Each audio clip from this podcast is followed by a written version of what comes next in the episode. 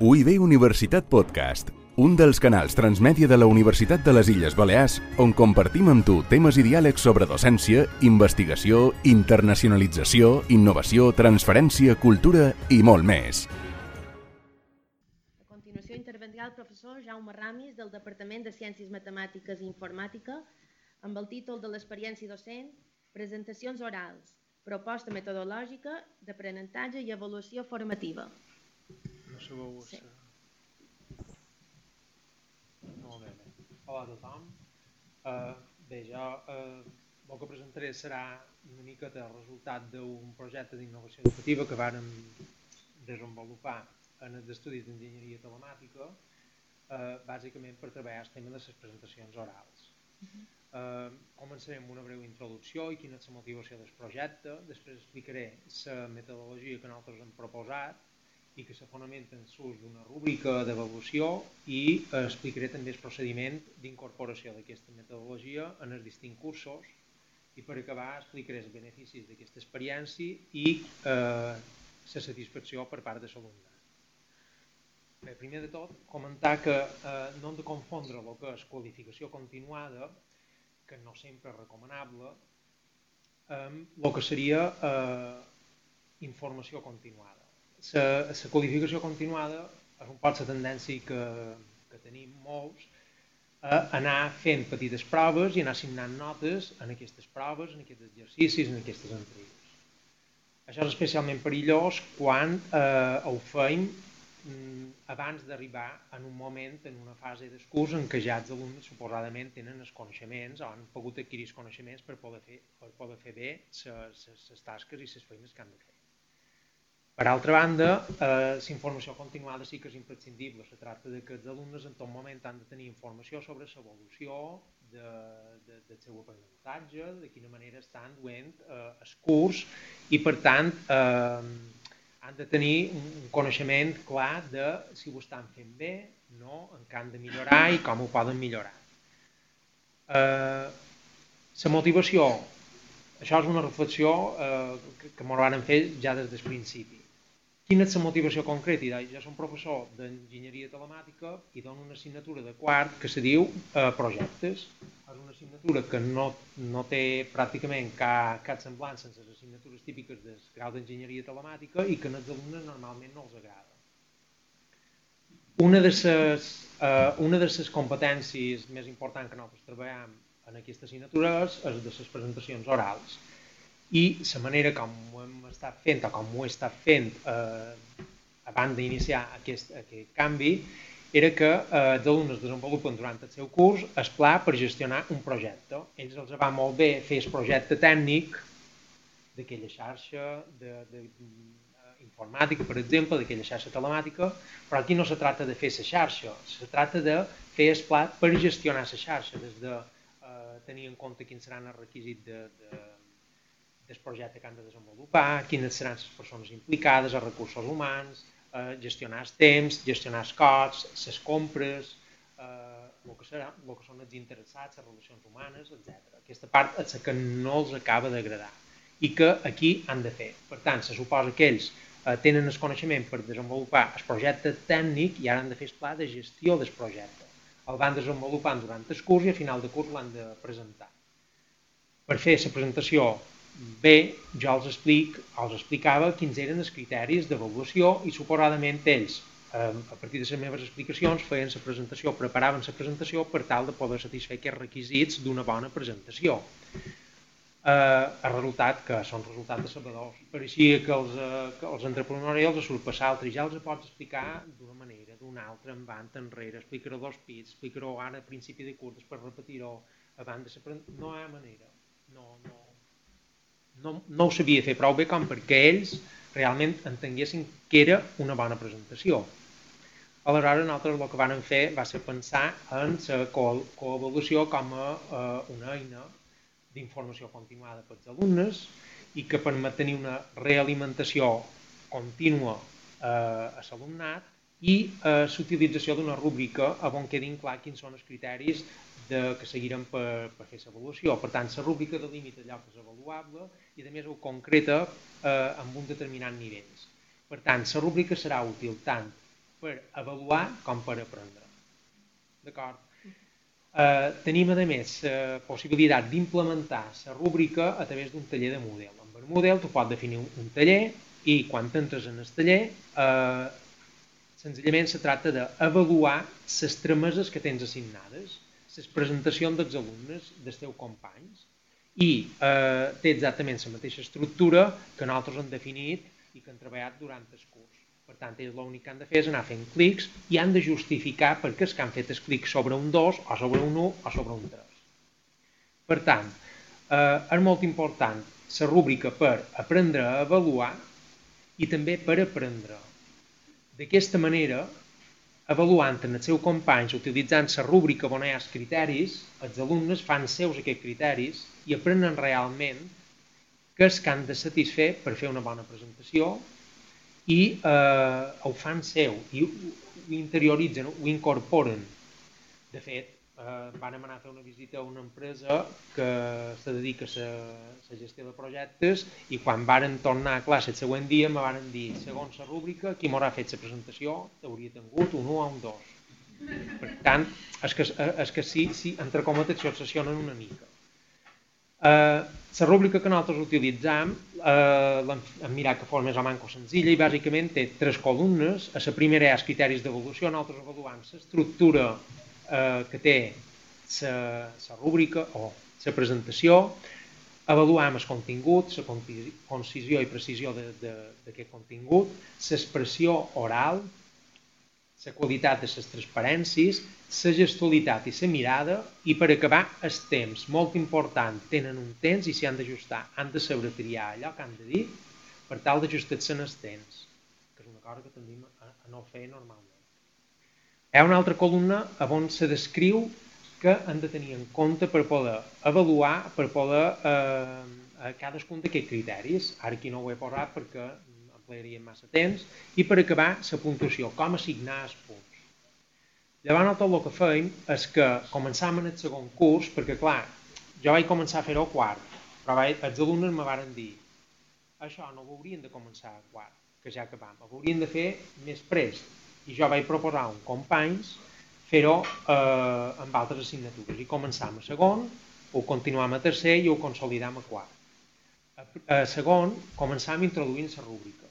El professor dedica una hora a explicar la rúbrica, posar un vídeo d'una presentació i avaluar aquesta presentació utilitzant la rúbrica. Fan un petit descans i una segona hora d'aquesta mateixa classe i dai, els alumnes apliquen la rúbrica individualment a una presentació que tenen un vídeo i per acabar comenta tota la classe de forma conjunta aquesta eh, avaluació que han fet per tal de poder aprendre, entendre com s'ha d'aplicar la rúbrica. Eh, amb altres assignatures que jo també utilitzo, rúbriques, eh, és molt fàcil eh, aprendre a emplear la rúbrica perquè és una altra història, però quan se tracta d'una presentació, una persona surti faci una presentació i que després entre tots l'avaluem en públic quan és una presentació, a vegades pot, per segons quin tipus de, de persona, pot fer un poc les seves sensibilitats, les crítiques, i per tant s'ha d'anar un poc alerta en aquest sentit. Això l'experiència m'ho ha demostrat. Si no, te pot trobar la típica situació en què eh, fan la presentació, tu la comentes i te comencen a qüestionar el que tu li comentes i entres com amb un pot de, una discussió, però amb una situació que és poc agradable. Tanmateix, mm, per jo, personalment, això, amb molts d'alumnes sí que és molt eh, beneficiós i va molt bé, però amb molts d'alumnes no. Per tant, vaig decidir que això no era la manera de fer-ho. Aleshores, eh, empleam vídeos d'altres presentacions. I per acabar, després, els alumnes fan una presentació en el final del curs i en aquesta presentació apliquen coavaluació. En el curs de tercer i quart feim un bona hora refrescant el que seria l'ús de la rúbrica, explicant la rúbrica i aplicant la rúbrica amb un vídeo, els alumnes pel seu compte, el professor pel seu compte, ho comentant conjuntament i després ho fem servir durant el curs. A tercer, tornant a tenir que és una presentació en el final que apliquen coavaluació i a quart ho fem d'una manera un poc diferent. A quart és quan realment ho treballem més. A quart el que fem és que els alumnes, com us he dit, han de, han de, preparar, han de presentar un treball en el final del curs i hi ha cinc entregues. A cada entrega fan la part del document i fan la presentació corresponent. a cada entrega eh, del document jo els faig una correcció i els ho torno, i no els poso nota. Però la nota a cada entrega els desmotiva moltes vegades, especialment en una assignatura on han de redactar un document que ells no estan acostumats i n'hi ha que tenen especialment eh, especial dificultat per redactar. Per tant, per això, el document escrit fan s'entrega jo els torno el document en, els meus suggeriments i a final de curs me poden entregar, m'han d'entregar la versió final millorada. D'aquesta manera eh, no els vaig posant la nota durant el curs que ho fan malament i els dono l'opció que millorin i els dono l'opció que ho millorin de cara a, eh, a l'entrega final. I això realment és molt motivador per tots ells i s'hi esforcen de veres. En quant a les presentacions, ells han de preparar una presentació final. I nosaltres, en cadascuna de les cinc entregues, el que feim és fer una mini presentació de 10 minuts. En aquesta presentació que fa cada alumne de 10 minuts, la prepara tot l'equip, però la fa un alumne en concret. Aquesta presentació és avaluada per tots els companys, de manera que eh, durant el curs tots els alumnes fan una presentació de 10 minuts, li deim presentacions intermitges, i la informació que els dona és l'avaluació que jo els faig i a part l'avaluació de tots els seus companys. Això és totalment anònim, de manera que cada alumne, després de la presentació, en jo poder tancar el taller de Moodle, rep una informació sobre la qualificació de tots els seus companys, tinc de 7 alumnes, eh? són les qualificacions de tots els seus companys en la justificació de per què li han posat aquella qualificació i en tots els suggeriments perquè ell pugui millorar. De manera que aquest alumne, durant eh, el curs, eh, cada alumne eh, té aquesta experiència. A part, jo els propos, clar, això, és, això és personal, cadascú rep l'evolució dels seus companys, no és públic.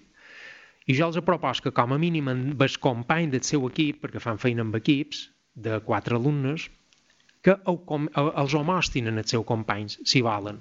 Nosaltres som un equip de quatre, jo, eh, cada alumne fa la presentació, té el seu feedback i ho pot com, comptar o mostrar als seus companys si vol. Eh, aquesta, eh, aquestes presentacions intermitges, que no són la final, el que fem és que eh, permetran als alumnes millorar, sa, tenir un, un plus extra, un regal eh, a l'hora de la presentació final que faran, tal com us explicaré a continuació. En quant a la qualificació, el procediment de, de, de, de qualificació de les presentacions és el següent. A segon, el, professor té, té, la nota del professor pesa un 80%, la dels companys un 10% i després la tasca de qualificació és un 10%. Què és això de la tasca de qualificació? El taller de model te permet avaluar sa, o qualificar la tasca d'avaluació que fan eh, cada alumne. És a dir, es, jo ho faig de la següent manera. Jo faig que el professor té una nota amb un pes més gran Aleshores, les eh, avaluacions que fa els companys, que fan els alumnes, la plataforma model la compara amb la meva qualificació, que jo la dono com a la bona. Que això és relatiu, però bé, ho feim així perquè suposadament jo en sé més que ells. A més, els alumnes ho prefereixen, sempre s'estima més la nota del professor.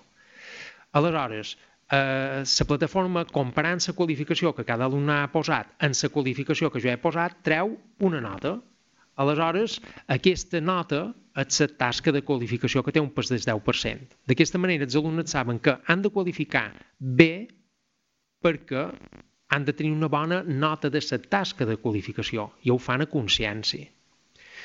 Jo el que faig, eh, bé, això seria segon. A tercer, anem incrementant el pes de la nota dels alumnes i de la tasca de qualificació i a quart encara més.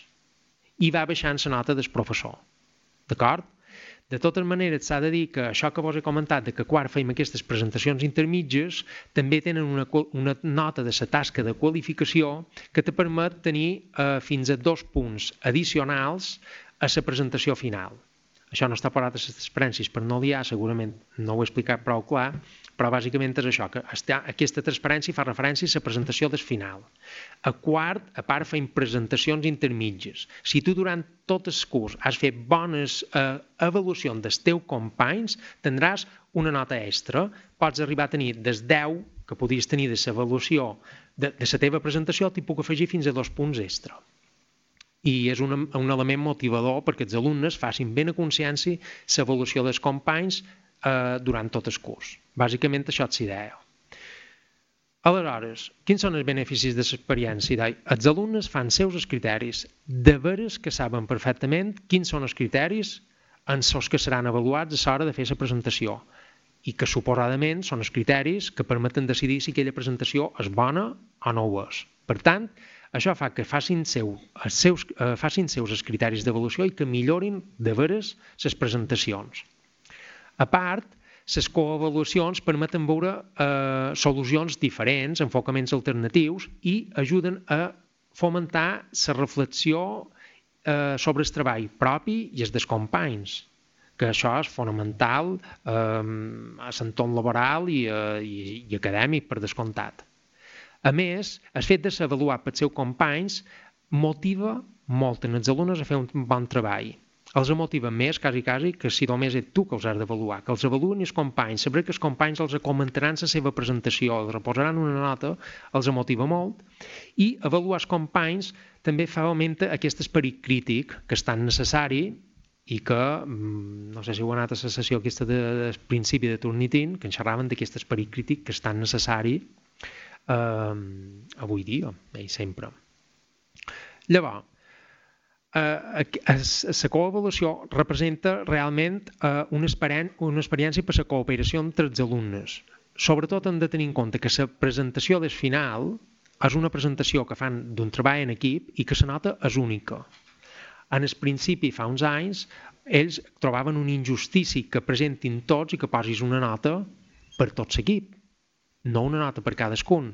Ningú te qüestionava que el document escrit té una nota. I jo els deia, tu el document escrit és de tot quatre, posa una nota i no us queixeu. I la presentació sí. Dit, la presentació és responsabilitat de tots. L'heu de preparar tots, vos heu d'ajudar entre vosaltres. L'heu de fer, l'heu de practicar abans de fer la presentació final. Vos heu de fer suggeriments per millorar és una responsabilitat de tots. Això fomenta molt la cooperació entre alumnes i també per descomptat el contacte entre alumne i professor eh, se veu molt incrementat amb aquest tipus de, de, de metodologies.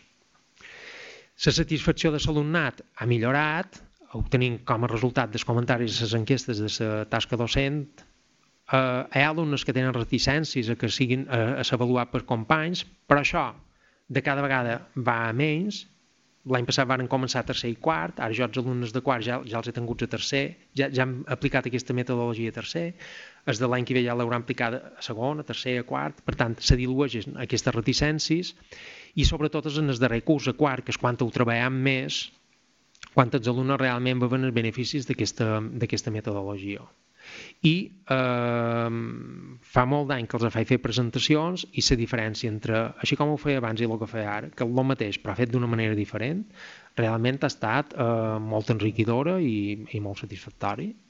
I això bàsicament és l'idea, espero, no sé, si, si vos ha quedat més o menys clar i si, si teniu cap dubte o pregunta. I gràcies per escoltar-me. UIB Universitat Podcast un dels canals transmèdia de la Universitat de les Illes Balears on compartim amb tu temes i diàlegs sobre docència, investigació, internacionalització, innovació, transferència, cultura i molt més.